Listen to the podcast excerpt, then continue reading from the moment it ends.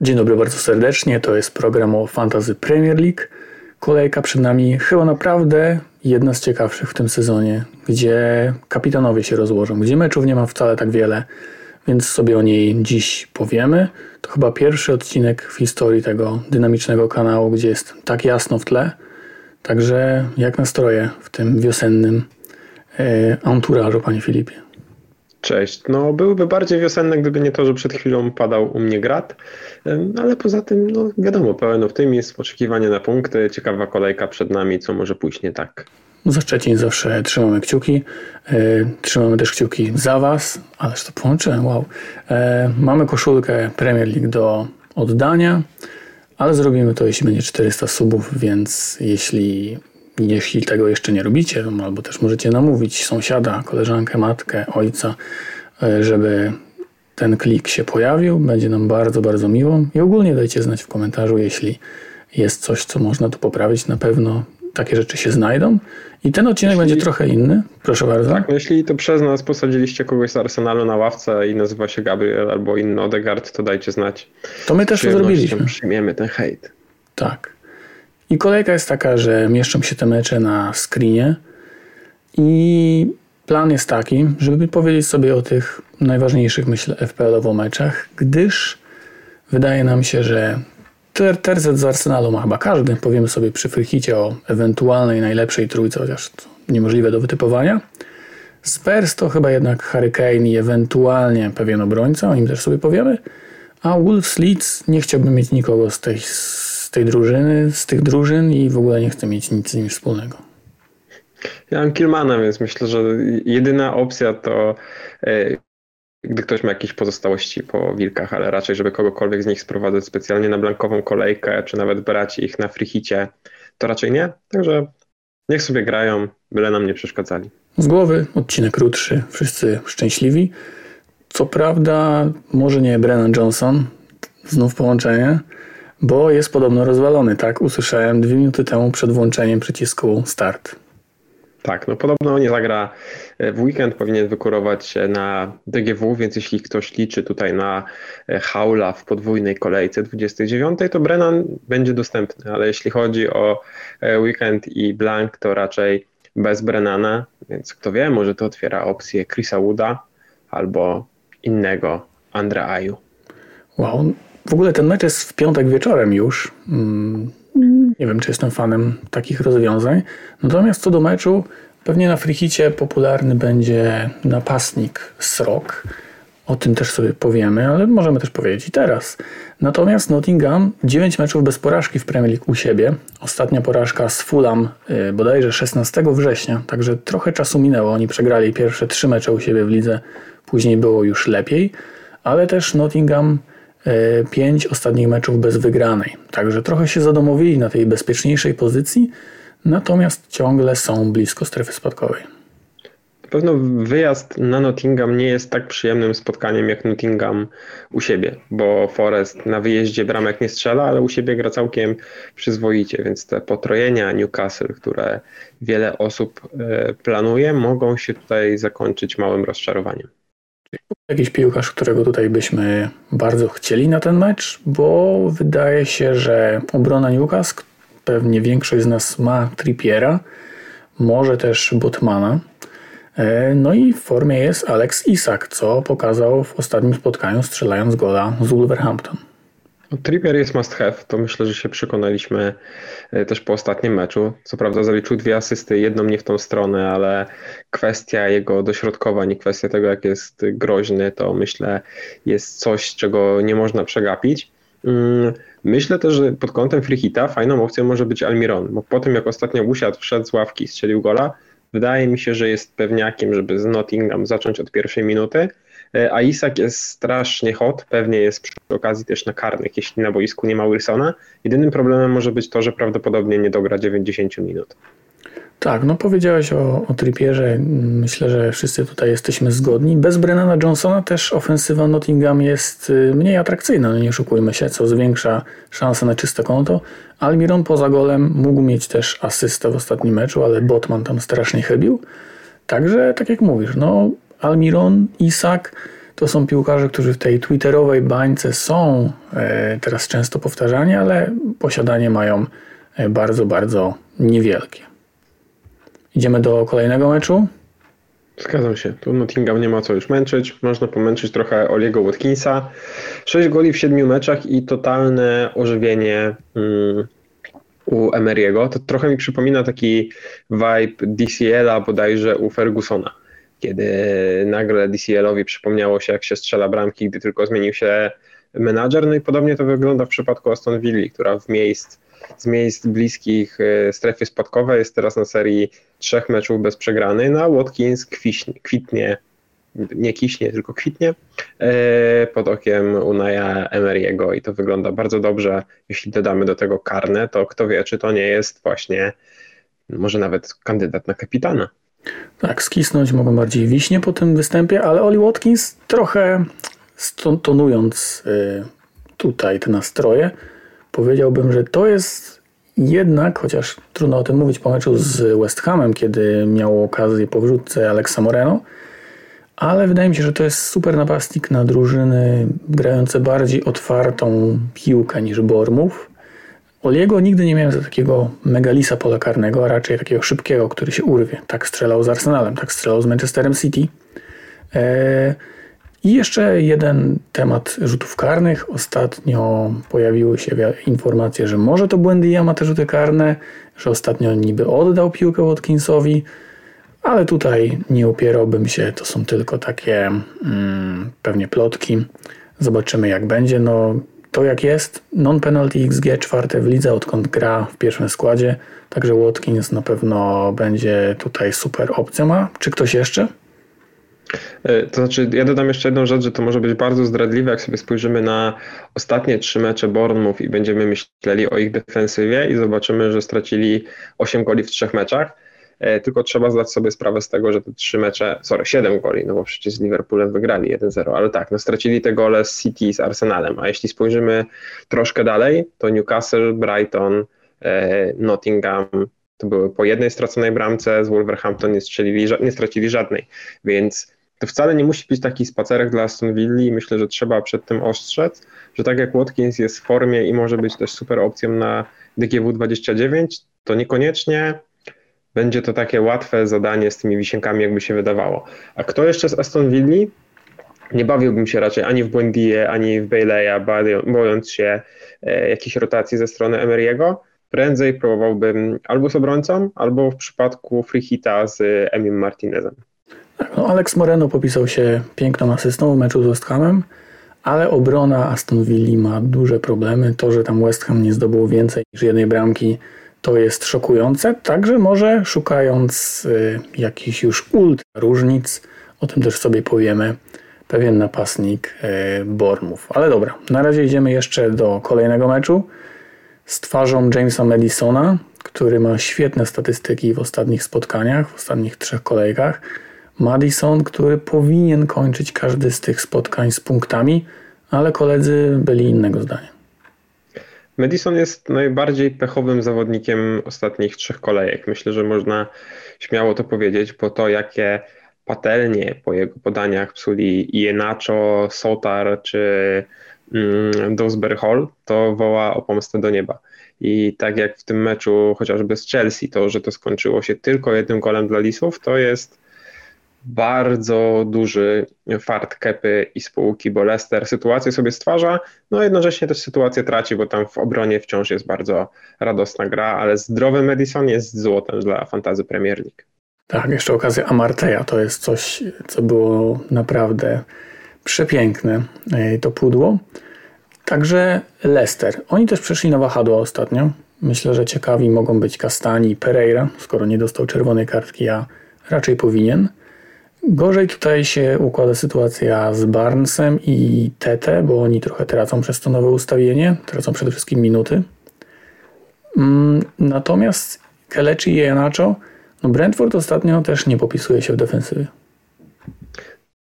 Pod kątem napastników Lisów można się obawiać tego, co do głowy przyjdzie Brendanowi. Czy nagle w pierwszym składzie nie wyjdzie Daka, albo nagle nie przypomni mu się, ile dobrego zrobił dla niego Wardy w poprzednich sezonach.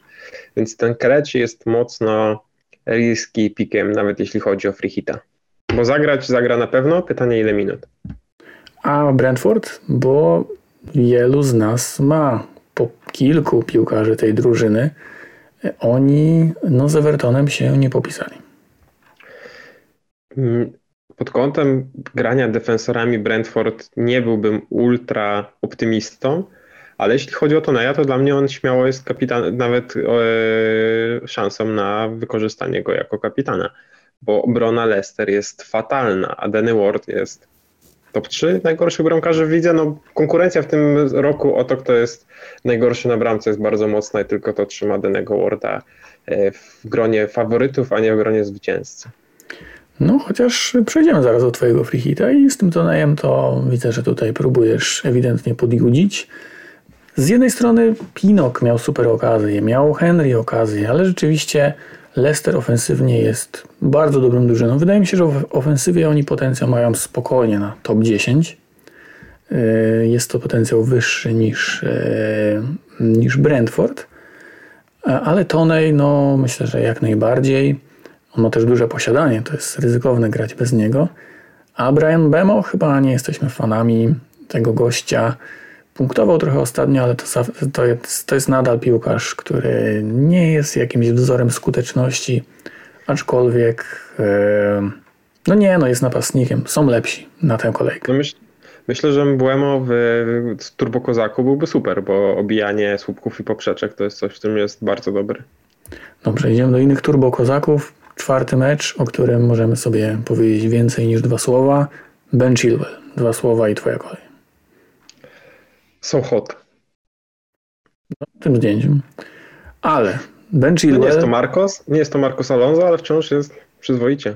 British ale... proper, proper British lat. Widać pewną, no nie wiem, może ewolucję. Marcos w Bena. No wszystko myślę, że jest na miejscu. Ale rzeczywiście Chelsea gra znów wahadłami. Chilwell jest przy stałych fragmentach. Yy, gra mega ofensywnie. Wywalczył też karnego z Borussią. Pięć kluczowych podań, za to przecież są punkty do bonusów. I Everton, który no nadal nie jest jakiś fantastyczny w ofensywie. No Everton ma przede wszystkim ten problem, że świetnie prezentuje się u siebie i te trybuny ich niosą, ale na wyjeździe to już nie jest tak różowo. A teraz jadą na Stanford i e, no myślę, że można sobie wymarzyć lepszy mecz niż granie z Chelsea no, dość podbudowanej ostatnimi trzema wygranymi z rzędu, bo ta ekipa Pottera powoli wchodzi na dobry rytm. Mm, jeśli chodzi o to, kogo z The Blues brać, to myślę, że nie tylko Chilwella, ale też chociażby Havertz jest strasznie ciekawą opcją.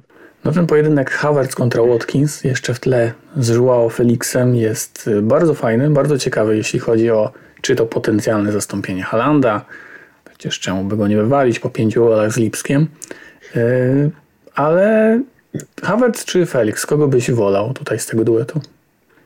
Piłkarsko zdecydowanie Felixa, ale problem z, z Portugalczykiem jest taki, że on szybko schodzi z boiska i trochę mam obawę, czy mu się coś nie stało w ostatnim meczu, bo to było zmiana w przerwie. Mocno czekałbym na konferencję, żeby się dowiedzieć o Felixie więcej. A z kolei Havertz, jeśli jest na karnych, to jest trochę beneficjentem tego systemu Pottera i wydaje się, że znalazł swój pomysł na Niemca i powinien spokojnie nie tylko w tej kolejce, ale i w kolejnym DGW zagrać wszystkie spotkania i to pewnie przez minimum 70-80 minut. Tak, no myślę, że Havertz też jest beneficjentem obecności Enzo Fernandeza, który popisał się znów fantastyczną asystą. Mm, także bardzo ciekawy pik. Chelsea też ma dobre mecze w kolejce 29. Nie wiem, czy chcemy powiedzieć coś o Evertonie. Chyba na Chelsea na wyjeździe nie pchałbym się jakoś bardzo, ale Chelsea w kontekście jeszcze 29 kolejki to też są drużyny, które no nie bronią. Liverpool i Aston Villa. No tak, to będą bardzo ciekawe spotkania.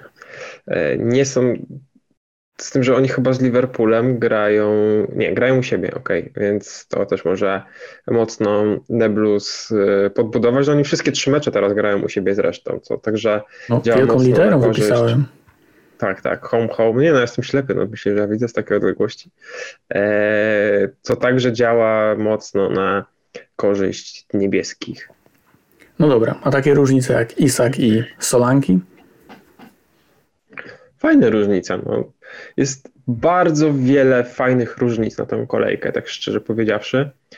E, Solankę jasne, jeśli jesteśmy biedni, szukamy oszczędności, to czemu nie? No, mówiliśmy o tym, że Aston Villa nie, to nie są jakieś asy w obronie.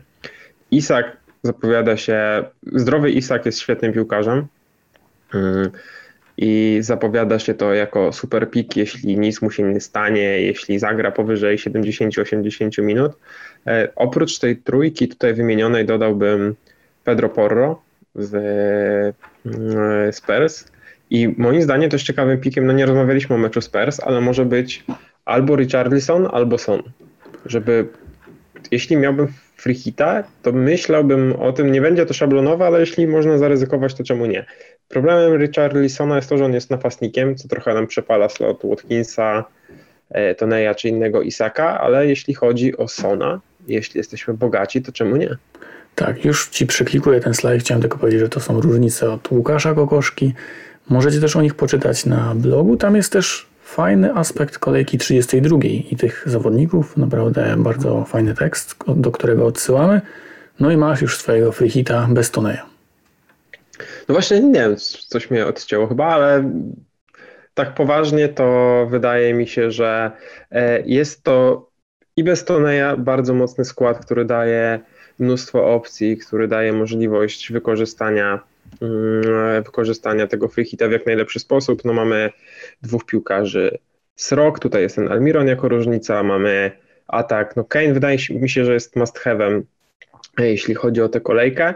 No Martinez na bramkę też może być ciekawym wyborem, potrojony Arsenal, no to w sumie standardzik. No i pytanie, kogo z tych napastników weźmiemy, bo tak naprawdę jest pięciu solidnych kandydatów, którymi można tutaj zagrać. Tak, no Myślę, że po prostu te wyzwiska w stronę danego Worda i nieobecność Toneja, bardzo chciałem to skonfrontować. Pedro Porro mi się podoba.